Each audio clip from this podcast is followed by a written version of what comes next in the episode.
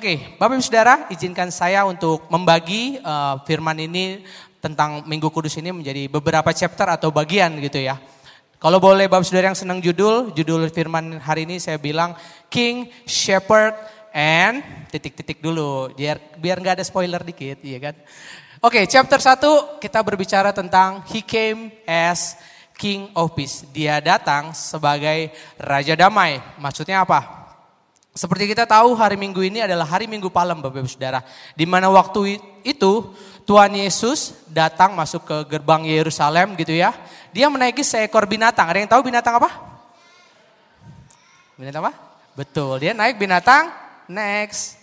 Dia naik binatang yang namanya binatang keledai Bapak Saudara. Boleh di next Kak? Nah ini, ini kurang lebih, itu binatang keledai ya Bapak Saudara, itu bukan marmut, bukan tikus, itu keledai. Wow, di sisi udah ada. Zaman Tuhan Yesus di sisi udah ada. Gereja mula-mula, enggak, enggak. Ini cuma mau nunjukin kalau ini saya yang gambar gitu doang. Oke Bapak Ibu Saudara. Bapak Ibu Saudara mungkin bertanya-tanya, saya juga dulu bertanya-tanya, kenapa sih Tuhan Yesus datang waktu itu gitu ya? Kenapa harus pilih binatang keledai gitu sih? Kenapa nggak naik apa tuh kalau saya nonton film-film Bollywood gajah gitu ya? Kan keren tuh, duh, duh, duh gitu. Atau naik badak gitu ya? Biar langsung mata semua mata pasti tertuju gitu ya. Atau kenapa nggak naik burung gitu? Kayak sinetron-sinetron Indosiar gitu. Wah gitu. Kenapa nggak nggak naik itu gitu ya? Kenapa sih Tuhan pilih binatang keledai secara spesifik? Ternyata satu alasan pertama ialah ternyata hal itu tuh sudah dibuatkan sebelumnya oleh Nabi Zakaria. Boleh di next kak? Zakaria 9 ayat 9 eh, pasal 9 ayat yang ke-9 demikian firman Tuhan, bersorak-soraklah dengan nyaring hai putri Sion, bersorak-sorailah hai putri Yerusalem, lihatlah rajamu datang kepadamu, ia adil dan jaya. Ia lemah lembut dan mengendari apa Bapak Saudara? Seekor keledai, seekor keledai beban yang muda. Jadi itu alasan pertama kenapa Tuhan harus datang naik keledai. Alasan kedua, Tuhan ini seolah-olah ketika datang gitu ya, dia mau menunjukkan bahwa dia ini raja yang pasti, dia raja. Tapi bukan raja yang sembarangan Bapak Saudara, dia adalah raja damai, raja damai Bapak Saudara. Sekali lagi raja damai. Kenapa demikian? Karena kita tahu pada waktu itu bangsa uh, Yahudi di Yerusalem gitu ya, itu sedang dijajah sama suatu bangsa yang namanya bangsa apa? Sejarah sedikit, sejarah Bangsa apa yang jajah Romawi? Eh Romawi, Yahudi? Romawi. Betul, bangsa Romawi. Bangsa Romawi ini dipimpin sama satu kaisar, namanya Kaisar Tiberius. Kok pada bengong? Pada enggak enggak enggak ini apa enggak kaget apa kok udah Kak Daniel tahu sih namanya kaisarnya Kaisar Tiberius gitu. Saya karena saya, saya tahu karena saya waktu itu ikut tur Yerusalem, ke tur Israel, Bapak Ibu Saudara. Makanya saya berdoa buat Bapak Ibu Saudara yang rindu ingin berangkat ke sana, saya berdoa lain kesempatan kita boleh berangkat bareng-bareng. Amin. Amin. Yang bilang amin jadilah sesuai menurut imanmu. Oke? Berikan kemuliaan buat Tuhan. saya juga mau lagi dong, makanya saya bilang tadi kita jalan bareng. Saya nggak mau bapak doang, bapak ibu doang yang jalan, kita jalan bareng, oke? Ajak saya ya. Oke. Okay. Oke, okay, next Kak. Ini nggak apa-apa, ini ibadah kedua waktunya lebih lama, saya lebih santai.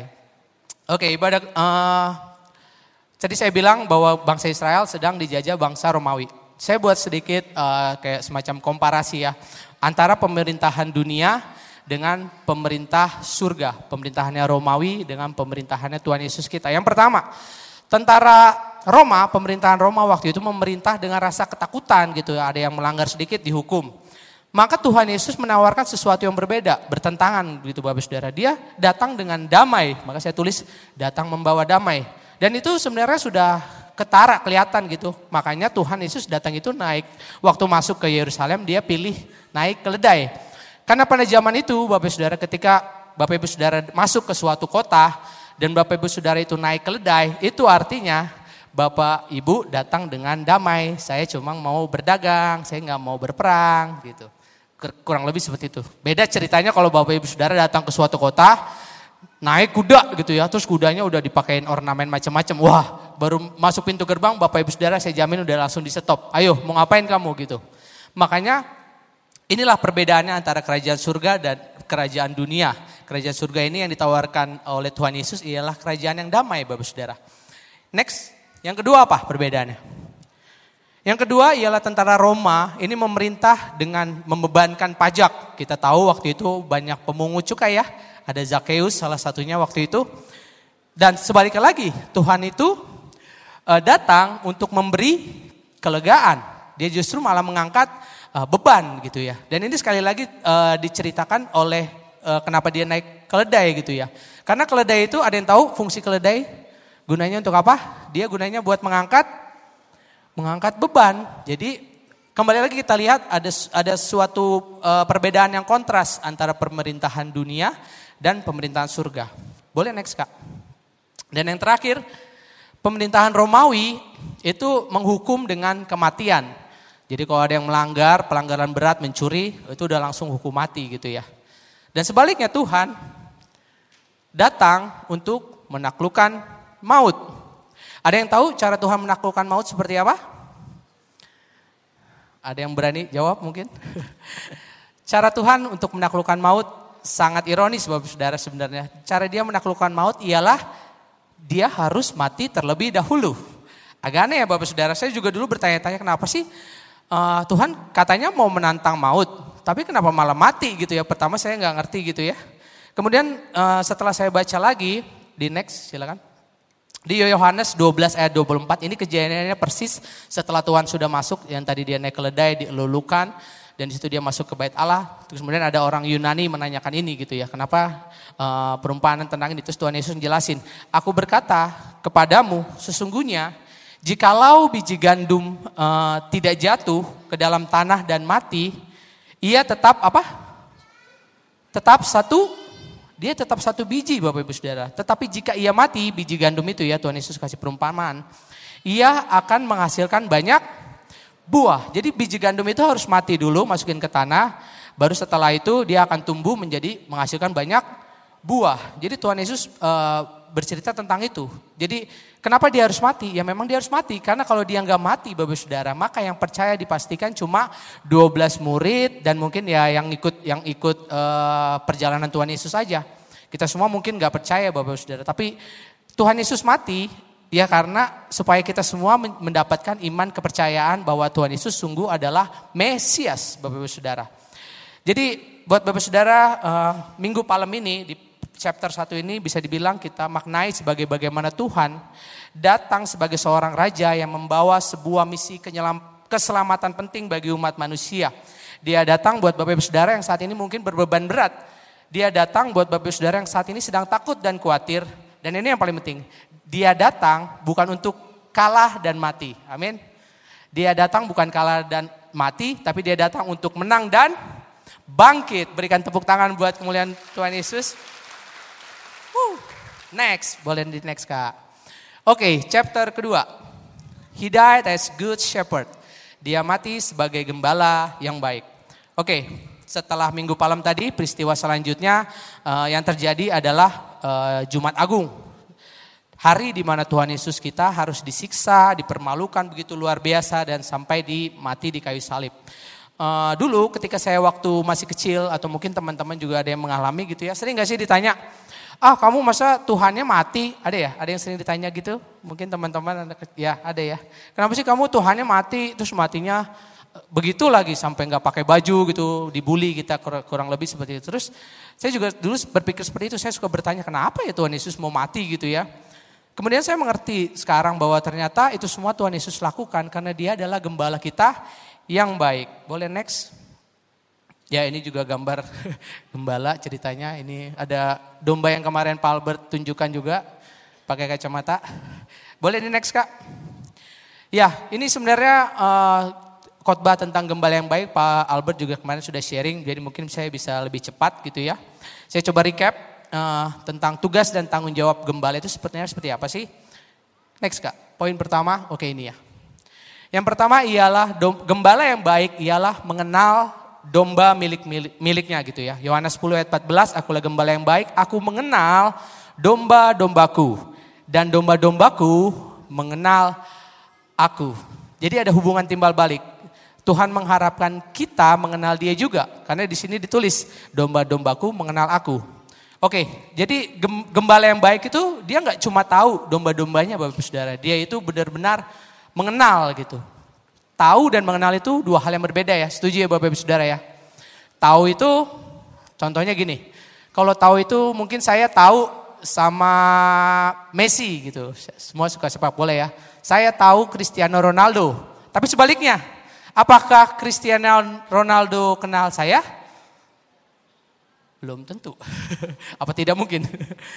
Belum tentu ya Bapak Saudara kecuali dia nonton YouTube dari khotbah Jesus Center Church mungkin dia baru oh ini namanya Daniel. Enggak penting ya. enggak, enggak, enggak. Itulah bedanya tahu dan mengenal Bapak Saudara. Tuhan itu gembala kita yang baik itu mengenal bukan cuma tahu Bapak Saudara. Jadi saya cuma mau bilang uh, gembala kita Tuhan Yesus itu benar-benar mengenal kita baik buruk kita, uh, mungkin kesukaan kita apa, terus uh, talenta kita apa, Tuhan Yesus itu benar-benar tahu gitu Bapak Saudara.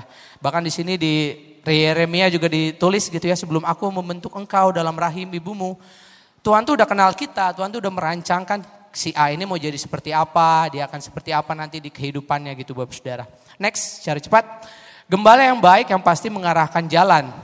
Pak Albert kemarin udah sharing begitu banyak tentang ini, bagaimana gembala yang baik itu yang pasti mengarahkan kita ke rumput yang hijau, bukan ke jurang. Terus juga Tuhan bilang bahwa akulah jalan kebenaran dan hidup, tidak ada seorang pun yang datang kepada Bapa kalau tidak melalui aku.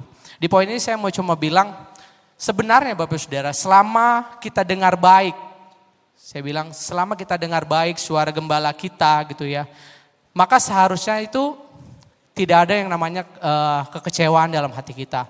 Enggak ada itu yang namanya kegagalan dalam hidup kita. Selama kita mendengar gembala kita ya. Enggak ada yang namanya sakit hati, kecewa, kegagalan itu enggak ada Bapak Saudara.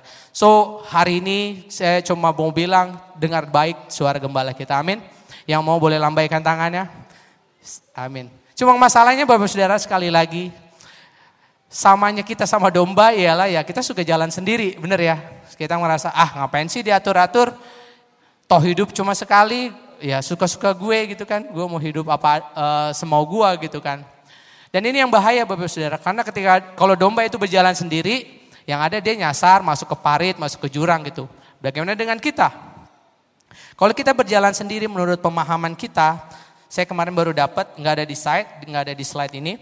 Buat Bapak Saudara yang bawa uh, firm, uh, Alkitab bisa dibuka di Mazmur 49 ayat 14 sampai 15. Saya tunggu sembari saya ambil napas.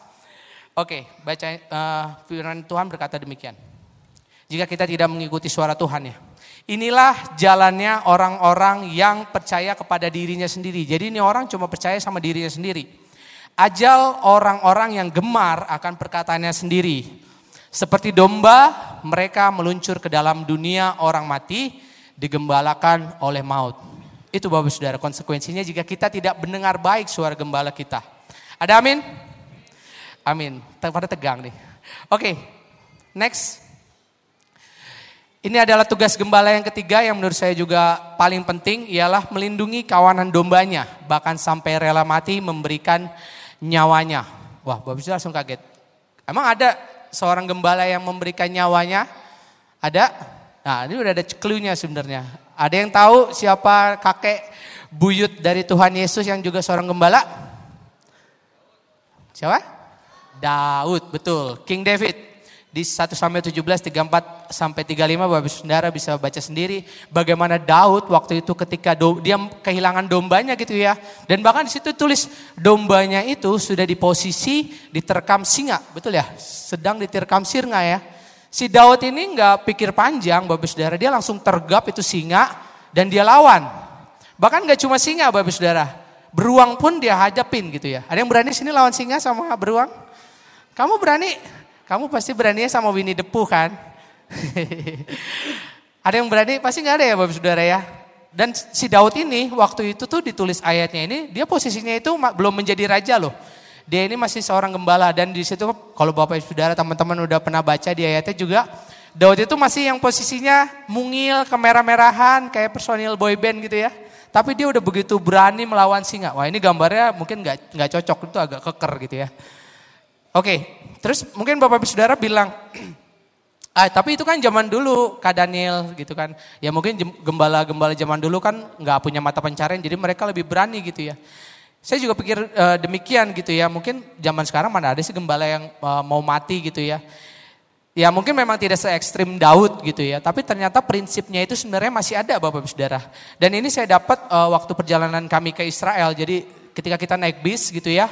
ada di suatu dataran tinggi gitu, terus uh, guide-nya bilang, sebelah kanan adalah suku Bedouin. Pertama saya kan agak ngantuk-ngantuk naik bis gitu kan, suku Bedouin apa nih? Terus saya melek dikit, di situ ada kawanan domba banyak gitu ya. Terus ada satu dua orang gitu kalau nggak salah. Terus dia mulai jelaskan guide-nya, Ya karena saya udah ngantuk, saya pikir, oh udah saya simpan dulu, nanti saya uh, googling atau dari YouTube gitu ya, saya cari tahu tentang suku ini. Jadi suku Bedouin ini adalah suku yang uh, hidupnya itu nomaden, dia berpindah-pindah gitu. Dan mata pencarian mereka ya menjadi gembala gitu ya. Dan saya lihat videonya, terus saya menemukan satu, ya ini gambarnya, saya menemukan bahwa mereka ini punya apa dalam menjaga domba-dombanya dia bikin kandang kayak gini Bapak Saudara, dari batu gitu ya. Dan semuanya sama, ada satu celah gitu ya, ada kayak semacam pintu dari tumpukan batu itu selalu ada celahnya gitu. Kemudian saya bingung, ah, ini buat apa gitu ya? Oh terus logika saya jalan, oh pasti ini buat si dombanya itu pasti masuk ke situ kan ya. Kita pikirannya sama ya. Tapi pikiran yang kedua saya bingung ialah, tapi mana pintunya gitu kan? Ini semua batu gitu, mana pintunya gitu kan? Kenapa nggak ada pintu kayu gitu atau apa gitu ya? Kemudian setelah lihat video itu lagi lebih lanjut, boleh di next kak? Ternyata Bapak Ibu Saudara, ketika domba itu semua udah masuk, yang menutupi celah itu siapa? Bapak Ibu Saudara lihat?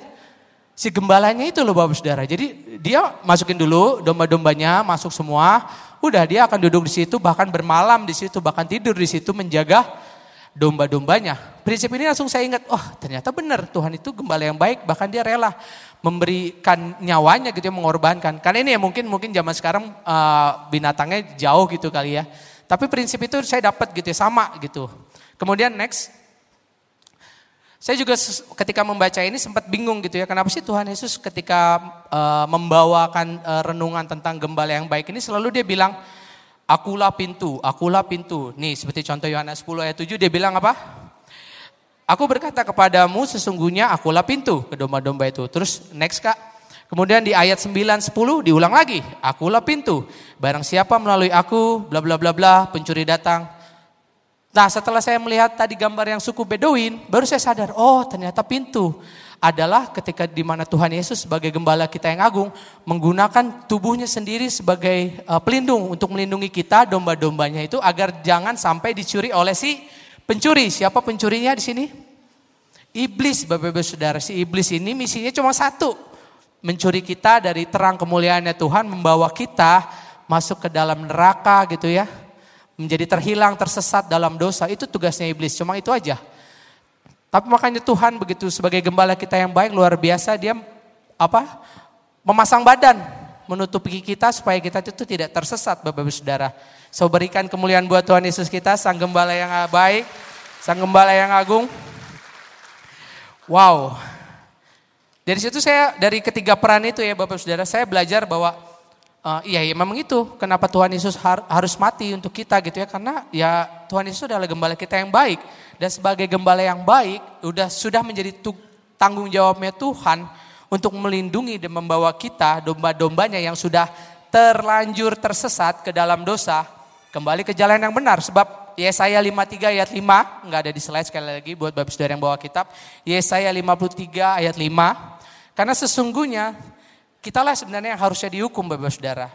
Tetapi dia tertikam oleh karena pemberontakan kita, dia diremukan oleh kejahatan kita umat manusia. Ganjaran yang mendatangkan keselamatan bagi kita ditimpakan kepadanya. Dan oleh bilur-bilurnya kita menjadi sembuh.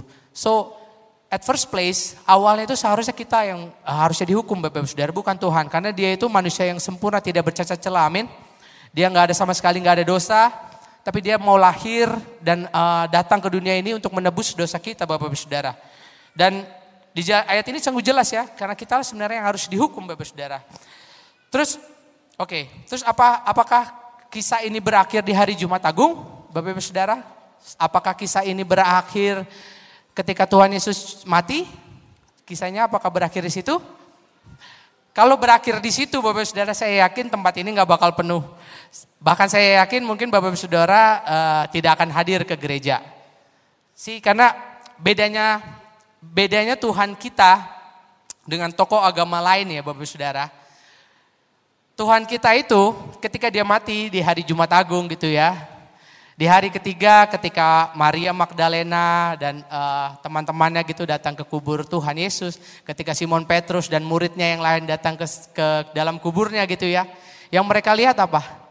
Yang mereka lihat adalah batu yang terguling. Mereka masuk lagi. Kemudian mereka lihat apa? Yang mereka lihat adalah kain yang sudah terjatuh rapi di kuburnya Tuhan Yesus. Kemudian mereka masuk lagi. Apa yang mereka lihat? Mereka nggak lihat apa-apa karena Tuhan Yesus kita sudah bangkit, amin. Dia sudah bangkit, dia, dia tidak cuma bangkit, dia hidup untuk selama-lamanya. Yang setuju berikan kemuliaan buat Tuhan Yesus kita. Sorakan haleluya. Oke. Okay. Next kak. So this is uh, bagian terakhirnya. Boleh di next saja, apa-apa. Final chapter, he rise as our savior. Dia bangkit sebagai juru selamat kita. Jadi kisah ini nggak berakhir di hari Jumat seperti yang tadi saya bilang. Kisah ini nggak berhenti ketika dia mati. Karena dia bangkit sebagai juru selamat kita. Oke okay, next. Jadi kembali waktu itu ketika kami uh, ke Israel Bapak Saudara. Kami berkunjung ke bukan satu tapi dua. Dua tempat sekaligus yang uh, dibilang itu adalah makam dari Tuhan Yesus. Jadi apakah benar makam Tuhan ada dua? Tidak, bukan seperti itu. Maksudnya mereka ini masing-masing punya klaim bahwa sebenarnya Tuhan Yesus ada di situ gitu ya, eh, waktu dimakamkan gitu ya. Kemudian ya kami berkunjung seperti biasa, terus ketika kami ke Garden Tomb, gayanya bagus banget, baik banget, terus dia sharing tentang fakta-fakta gitu ya. Bahkan dia nunjukin, ini adalah bukit yang dipercaya adalah bukit Golgota. Terus saya perhatiin kok kok nggak ada kayak gambar tengkorak. Iya, karena hidungnya kemarin longsor. Hidung Bukit Golgotanya longsor. Wah, ini kurang skincare dia berarti. Jadinya longsor. Kemudian ya, cuma ada satu perkataan yang menarik dari si guide-nya ini kepada saya uh, kepada kami gitu ya. Dia sambil menunjukkan foto-foto gitu, uh, bukti-bukti harusnya di sini nih Tuhan Yesus uh, dimakamkan. Ini adalah penggilingan anggur dan lain. Tapi ada satu statement yang uh, menurut saya menarik. Dia bilang begini. Memang mungkin Bapak Saudara bingung uh, kenapa sih ada dua tempat gitu ya. Cuma uh, di sini kami cuma mau bilang, dia bilang gitu guys ya. Dia bilang nggak penting di mana Tuhan Yesus itu mati dan dikuburkan. Karena yang paling penting itu Tuhan Yesus kita itu bangkit. Wah, terus saya bilang, oh ya benar juga. Ngapain kita pusing-pusingin gimana dia uh, dikuburkan? Ya toh karena dia udah bangkit. Kita nggak akan bisa menemukan jasadnya, amin Bapak Saudara. Dan itulah yang paling penting. Cuma terus saya ingat, banyak daripada kita itu fokus kepada kematiannya, bahkan murid-muridnya itu fokus kepada kematiannya. Maria Magdalena pun fokus kepada kematiannya. Makanya ketika mereka datang, mereka kaget, waduh kubur Tuhan, eh mayat Tuhan ke mana nih, jasad Tuhan ke mana nih. Karena mereka fokus kepada apa? Mereka fokus pada kematian, mereka nggak fokus tentang bagaimana Tuhan mereka itu sebenarnya sudah bangkit Bapak Ibu Saudara. Kita juga sering merasa seperti itu, kita sering merasa uh, ah saya sudah gagal, terus saya merasa iman saya sudah mati, ya udahlah buat apa lagi saya ke gereja gitu-gitu. Tapi siang hari ini izinkan saya untuk mengingatkan kembali buat Bapak Saudara, jangan fokus kepada kematian, jangan fokus kepada kegagalan, tetapi fokuslah kepada kebangkitan, fokuslah kepada uh, kemajuan dari kepada setiap Bapak Ibu Saudara. Ada amin? Amin. Boleh next Kak? Ini di next saja. Oke. Okay. Oke, okay, kita langsung langsung masuk ke bagian uh, selanjutnya. Ini adalah laut mati. Mungkin Bapak Ibu Saudara yang minggu lalu hadir. Saya gunakan persis foto yang sama. Kenapa? Karena foto setelah ini selanjutnya ini udah udah nggak karuan gitu ya. Kan ini foto yang paling bagus. Setelah itu kita ada yang mandi lumpur, mana komikal komikal udah jadi manusia rawa ya. Terus ko Albert juga udah pasti ngilang. Jadi waktu itu ketika kami datang, bukan laut matinya yang jadi objek wisata Ya ketika kami datang, kamilah yang jadi objek wisata. Orang-orang bule pada fotoin kita karena kita pada norak, uh, pada ngambang gitu ya. Colbert udah ngambang ke sana sama orang bule, orang bulenya kabur gitu. Jadi kita harus saya harus pakai foto ini karena foto ini yang paling benar gitu ya. Oke, ini ada fakta laut uh, sebelumnya sebelumnya sorry. Sebelumnya saya mau tunjukin ini fakta laut mati Bapak Saudara. Kalau Bapak Saudara Google saat ini juga bisa ditemukan bahwa laut mati itu adalah titik yang paling rendah dari permukaan bumi. Tapi lucunya Bapak Saudara, walaupun dia di titik terendah, fakta kedua ialah laut mati itu dipercaya dapat menyembuhkan penyakit. Jadi kalau Bapak Saudara punya sakit kulit, kadas, panu, kurap gitu ya, datang ke situ dipercaya bisa sembuh. Dan fakta yang ketiga, cuaca di Laut Mati itu selalu cerah. Saya belum bisa buktikan karena saya cuma beberapa jam di sana gitu ya. Tapi ini menurut Google. Dari situ saya dapat dapat apa ya? Dapat impresi kok bisa ya di tempat yang paling rendah gitu ya, yang paling kacau bisa dibilang, malah ada kehidupan, malah ada kesembuhan di situ seperti itu. Kemudian Tuhan ingatin satu buah statement boleh di next. Begini. When you are at lowest, always look to the highest. Ketika Bapak Ibu Saudara merasa Bapak Ibu Saudara saat ini di posisi paling bawah, diinjak-injak orang, saat ini mungkin Bapak Ibu Saudara merasa saya gagal gitu ya, gagal total. Saat ini teman-teman mungkin pemuda merasa saya udah nggak punya masa depan kok Daniel, saya udah nggak kerja, apa, kerja dan kuliah saya begini-gini aja, saya udah di paling rendah. Siang hari ini saya mau ingatkan saat teman-teman atau Bapak Ibu Saudara ada di posisi paling rendah nih. Saya ngomong paling rendah karena udah nggak ada lagi di bawah kita. Selalu lihat ke apa? Selalu lihat ke yang paling atas. Selalu lihat Tuhan Bapak Saudara. Ada amin? Ada amin? Yes. Saat kita merasa udah gak ada harapan lagi, selalu lihat Tuhan Bapak Saudara. Terus next. Impresi apa yang kemudian saya dapatkan lagi gitu ya Bapak Saudara. Ketika itu uh, yang tadi saya bilang kan banyak kayak komikel ngambil uh, lumpurnya gitu dibalurin ke badan. Terus ada juga beberapa peserta melakukan hal demikian. Kemudian saya uh, waktu kita keluar gitu ya juga bahkan lumpurnya itu dijual Bapak Saudara. Berapa dolar itu lumayan mahal ya kalau nggak salah. Lumpurnya itu yang di bawah itu Bapak Saudara diambil, terus diolah, terus bisa digunakan sebagai kosmetik. Itu kalau Bapak Saudara pegang lumpur aslinya ya dari lautnya, itu bau Bapak Saudara. Bener ya? Bau comberan beneran. tapi tapi uh, hal yang buruk itu, hal yang paling dalam mengendap itu itu bisa dipakai Bapak Saudara, bisa menjadi kosmetik bahkan dijual ke seluruh dunia. Kemudian Tuhan ingatkan demikian Bapak Saudara. Ketika mungkin saat ini Bapak Ibu Saudara merasa berada di ruangan yang gelap. Nggak tahu nih saya mau maju atau mau mundur nih. Saya nggak tahu apakah saya lanjutkan pekerjaan ini, apa saya cari pekerjaan yang lain.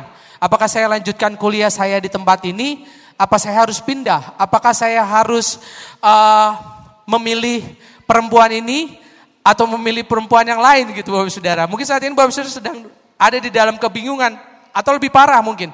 Saya merasa saya udah nggak punya masa depan Kak Daniel. Saya merasa saya udah saya sudah hancur gitu ya.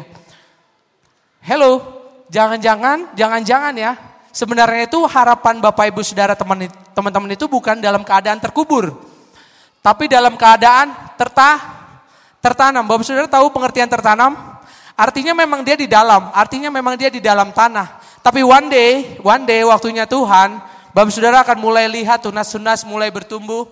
Bapak Ibu Saudara mulai lihat semua harapan Bapak Saudara akan menghasilkan buah. Bahkan Bapak Ibu Saudara mungkin melihat anak-anak Bapak Saudara diberkati, amin. Yang setuju boleh berikan tepuk tangan yang paling meriah untuk Tuhan Yesus kita. So it was not buried, it's planted, amin. Yes. Woo. Luar biasa Bapak Ibu Saudara, ketika saya menyiapkan firman ini, saya sendiri pun merasa diberkati luar biasa gitu. Kita pulang hari Minggu kalau nggak salah, hari Senin saya benar-benar nggak ada bahan, Saudara, zero. Tapi mungkin mungkin jet lag juga gitu ya, mungkin jet lag gitu ya. Saya siapin firman ini dari jam 11 malam. Tuhan mau ngomong apa sih buat jemaat Tuhan? Saya juga capek gitu ya. Terus saya siapin firman, siapin firman cari-cari. Dan Tuhan ngomong ini, kamu kasih firman yang bisa melegakan setiap jemaat. Kamu kasih firman yang bisa memberikan pengharapan. Kamu kan bawa firman untuk anak-anak kan? Kamu harus kasih firman yang benar-benar bisa membangun masa muda mereka. Biar mereka bisa melihat bahwa sungguh di depan ada hari esok yang lebih baik, amin. Bahwa sungguh di depan itu ada kemuliaan Tuhan yang siap Tuhan nyatakan di waktu yang tepat, amin. Mari kita berdoa Bapak Ibu Saudara, kita tundukkan kepala. Terima kasih Tuhan Yesus. Terima kasih Tuhan Yesus. Tuhan Allah Bapa kami yang dalam kerajaan surga. Kami hanya bisa berbilang terima kasih Tuhan Yesus. Bahwa Engkau sungguh baik Tuhan dalam hidup kami Tuhan.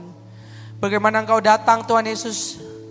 Ke dalam kehidupan kami Tuhan Yesus. Bukan sebagai Raja yang memberontak Tuhan Yesus.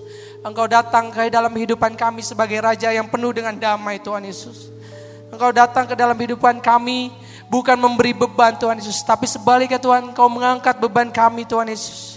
Engkau mengangkat setiap kekhawatiran kami dan menggantikannya dengan damai sejahtera Tuhan. Thank you Lord.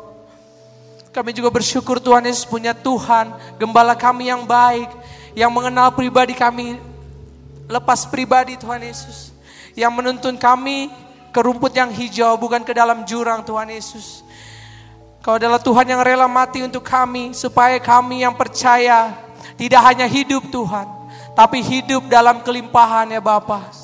Kami juga bersyukur Tuhan Yesus Kau adalah Tuhan Yesus kami, Sang Juru Selamat kami yang bangkit Bapa. Agar kami setiap kami yang percaya, yang saat ini lemah Tuhan Yesus kami akan beroleh kekuatan. Yang saat ini sedang takut Tuhan Yesus kami akan mendapatkan pengharapan Tuhan Yesus. Yang saat ini sedang sakit kami pulang kami akan sembuh Tuhan Yesus. Karena kuasa bilur darahmu Tuhan Yesus. Kuasa salibmu Tuhan Yesus. Kuasa kebangkitanmu Tuhan Yesus. Ada dalam hidup kami Tuhan Yesus. Bahkan setiap kami yang saat ini merasa tidak ada harapan Tuhan Yesus. Kami merasa semuanya gelap Tuhan Yesus. Kami percaya one day Tuhan Yesus suatu hari nanti Tuhan kami lihat Tumbuh kami Tuhan Yesus. Tunas-tunas kami mulai tumbuh ya Bapa. Buah-buah kami mulai bertumbuh ya Tuhan. Bahkan kami akan menghasilkan buah yang begitu lebat Tuhan Yesus. Yang bisa kami nikmati dan kami bisa berikan kepada sekitar kami Tuhan Yesus. Terima kasih Tuhan. Hambamu sudah selesai Tuhan membagikan firmanmu Tuhan. Sesuai yang kau perintahkan ya Bapak. Hambamu percaya Tuhan mungkin hambamu sudah selesai. Tapi engkau belum selesai untuk setiap jemaah di sisi ya Bapak. Biarlah engkau terus berbicara kepada setiap mereka ya Tuhan. Melawat mereka Tuhan Yesus. Terima kasih ya Tuhan, terima kasih. Hanya di dalam nama Tuhan Yesus kami sudah berdoa dan mengucap syukur. Sama-sama kita katakan amin. Amin. Pujilah